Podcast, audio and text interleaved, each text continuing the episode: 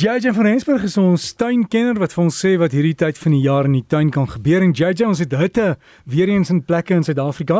Seisoen het gedraai, maar jy het ook vir ons 'n plant van die week. So wat moet ons nou in die tuin doen? Ja nee, Dirk, ek sê vir jou sê dit is dan ongelooflik hoe lekker warm dit nog steeds is, jy weet. Is eintlik voorstel om nou die begin van herfs te wees, maar ja, die weer is nog warm soos jy sê. Ek lag altyd so as ek 'n nippet van jou hoor.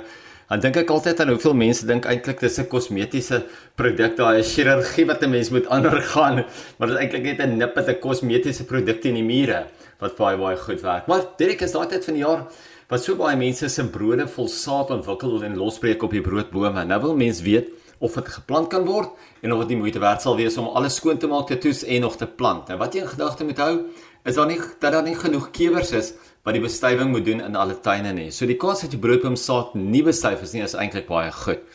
Soos die sade losbreek kan 'n mens hulle versamel, jy kan hulle skoonmaak die vleisgedeelte af te haal en dan moet jy probeer vasstel watter is bestuif en watter nie. So watter gaan groei en watter het nie 'n kans om te groei nie. Nou hier kan jy die skoon sade nadat jy dit skoon gemaak het, dan in 'n emmer water gooi en jy kan dit oornag laat staan. Die sade wat dryf kan dan uitgehaal word en weggegooi word want hulle is gewoonlik nie bevrug nie, maar die sade wat dan sink wat onder in die bodem lê, hulle is wel bevrug en hulle kan geplant word. Nou om te plant moet 'n mens diep saailaaie vol ontkiemingsmengsel maak om in te saai en 'n baie kweker sal hierdie mengsel vat en die helfte riviersand tog bymeng om dit meer sanderig te maak en nog beter dreinering te gee. Mens kan ook direk in die tuin saai waar die grond lekker dreineer. Alhoewel die sade die beste in 'n lekker warm area ontkiem, moet mense hulle nie in die volson plant nie. Jy plant hulle waar dit lekker baie warm is waar daar baie lig is, maar in die skaduwee is die beste.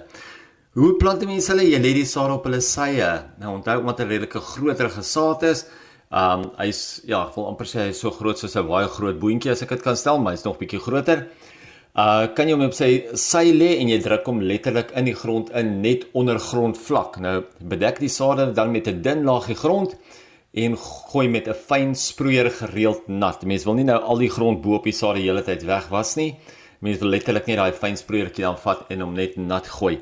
Die saad kan maklik 'n paar maande vat om te ontkiem. So besluit sommer voor jy saai of jy dit nou moet doen of en of jy dit eintlik moet stoor tot in die lente maande dat jy dit dan kan saai.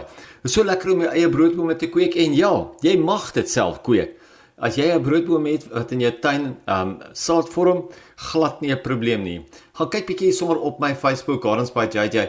Sit ek vir ons 'n foto daarso van 'n broodboom saad of van 'n brood wat eintlik die sade van ontwikkel. Wat baie mense vra altyd, is myne manlik of is myne vroulik? Onthou 'n manlike broodboom gaan net vir jou styfmeel gee. Hy gaan nooit vir jou die eintlike fisiese sade gee nie.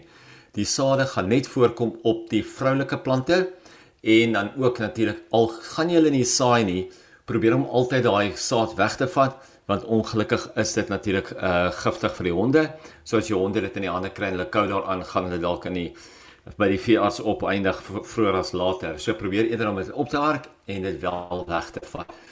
Ek sien so gereeld dat mense ook houttraliewerk bo of meubels in die tuin gebruik, maar dit het nie behoorlik behandel nie, dan vrot dit sommer maklik binne 'n jaar of 2 weg. Of die insekte vreet dit eenvoudig op. Nou houtprodukte wat mense by die kwekery koop, is gewoonlik klaar behandel en dit is gewoonlik waar mense daai CCA behandeling kry of natuurlik die Tanninith of die Tannin um, behandeling of ook die Waxol. Nou gewoonlik is hulle klaar behandel, maar onthou dit stop jou nie om 'n tweede behandeling te gee en dit net mooier af te rond nie. Nou 'n paar punte om in gedagte te hou. Hout is 'n natuurlike produk wat altyd al is dit droog, moet dit nog steeds kan asemhaal.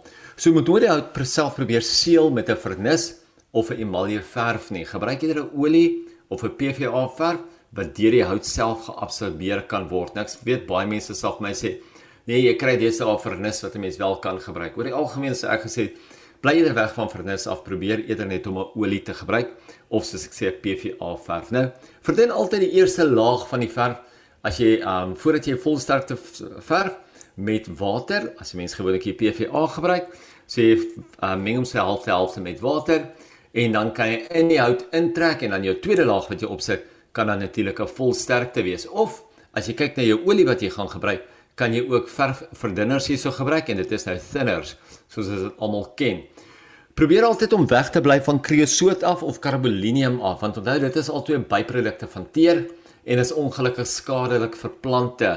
So probeer eerder om dit nie te gebruik nie, veral daarse by die plante se wortels of selfs by die stamme en die blare waar die plante in die uh, uh, produkte moet ingroei, gaan dit ongelukkig die plante self negatief afekteer. En dan derdens, as jy houtprodukte nou behoorlik behandel, sal jy maklik vir 10 jaar nie weer hoef te behandel nie. So gaan gesels eerder altyd met 'n deskundige by hardeware vir die beste advies as jy onseker is oor wat om te gebruik. Maar doen dit voordat jy dit insit. Onthou jy wil nie 'n boog of 'n traliewerk of so wat pragtig toegegroei is, alles moet afsny of afhaal net om die hout weer te behandel nie. Doen dit eerder aan die begin reg en dan weet jy teen die tyd wat jou plant mooi sterk oor hom groei, is hy baie baie goed behandel. Dit het net gesê dat ek weer vir ons 'n plant van die week en ons plant van die week is vir hierdie week is 'n pragtige klein immergroen boom. Dit is 'n Magnolia Little Gem. Nou, die Magnolia maak groot donker blinkgroen blare. Hy's gewoonlik agter op die blare is hy bietjie bruin. Hy maak groot wit blomme op die punte van die takke, gewoonlik so vanaf die lente tot amper aan die einde van die somer. Die plant self word so om en by 4 meter hoog en so 2 meter wyd. Hy wil initieel baie water hê totdat hy lekker gevestig is en dan later is hy meer droogte bestand. Hy's 'n baie geharde boom en hy kan van volson tot half skaduwee hanteer. So as jy 'n fillerplant soek vir onder die ander plante of so, kan jy hom ook gebruik en al bly jy nou in 'n baie baie koue gedeelte van die land, kan jy hom ook by jou plant. Hy is baie gehard. So gaan vra 'n bietjie by die kwekery of hulle enige van die magnolia of in Afrikaans magnolia, die little gem variëteit het. Hy's 'n effense kleiner een as die gewone groot Magnolia grandiflora, maar hy maak baie meer blomme, blare bietjie kleiner en hy maak 'n lekker digte bos, die Magnolia of Magnolia Little Gem. En daai blomme ruik hulle lekker, JJ? Hy het wel 'n geur op hom, nie 'n verskriklike sterk geur nie. Maar ja, baie mense sal sê hulle kan hom nog ruik, so as jy 'n fyn nie 'n fyn proewer is nie, maar 'n fyn ruiker is, gaan jy hom kan ruik. En die foto's is op jou blad. Jep, ek sit hulle sommer nou vir ons daar. Ons so gesels ons met JJ van Rensburg en as jy wil tuin maak en daai plant van die week wil gaan kry die Magnolia, gaan kyk op sy Facebook bladsy Gardens by JJ. Jy kan ook daarvan af met hom kontak maak en gaan jy ook kry en sê dis een wat jy nou kan plant want hy kan in al die seisoene groei en dan lekker tuin maak.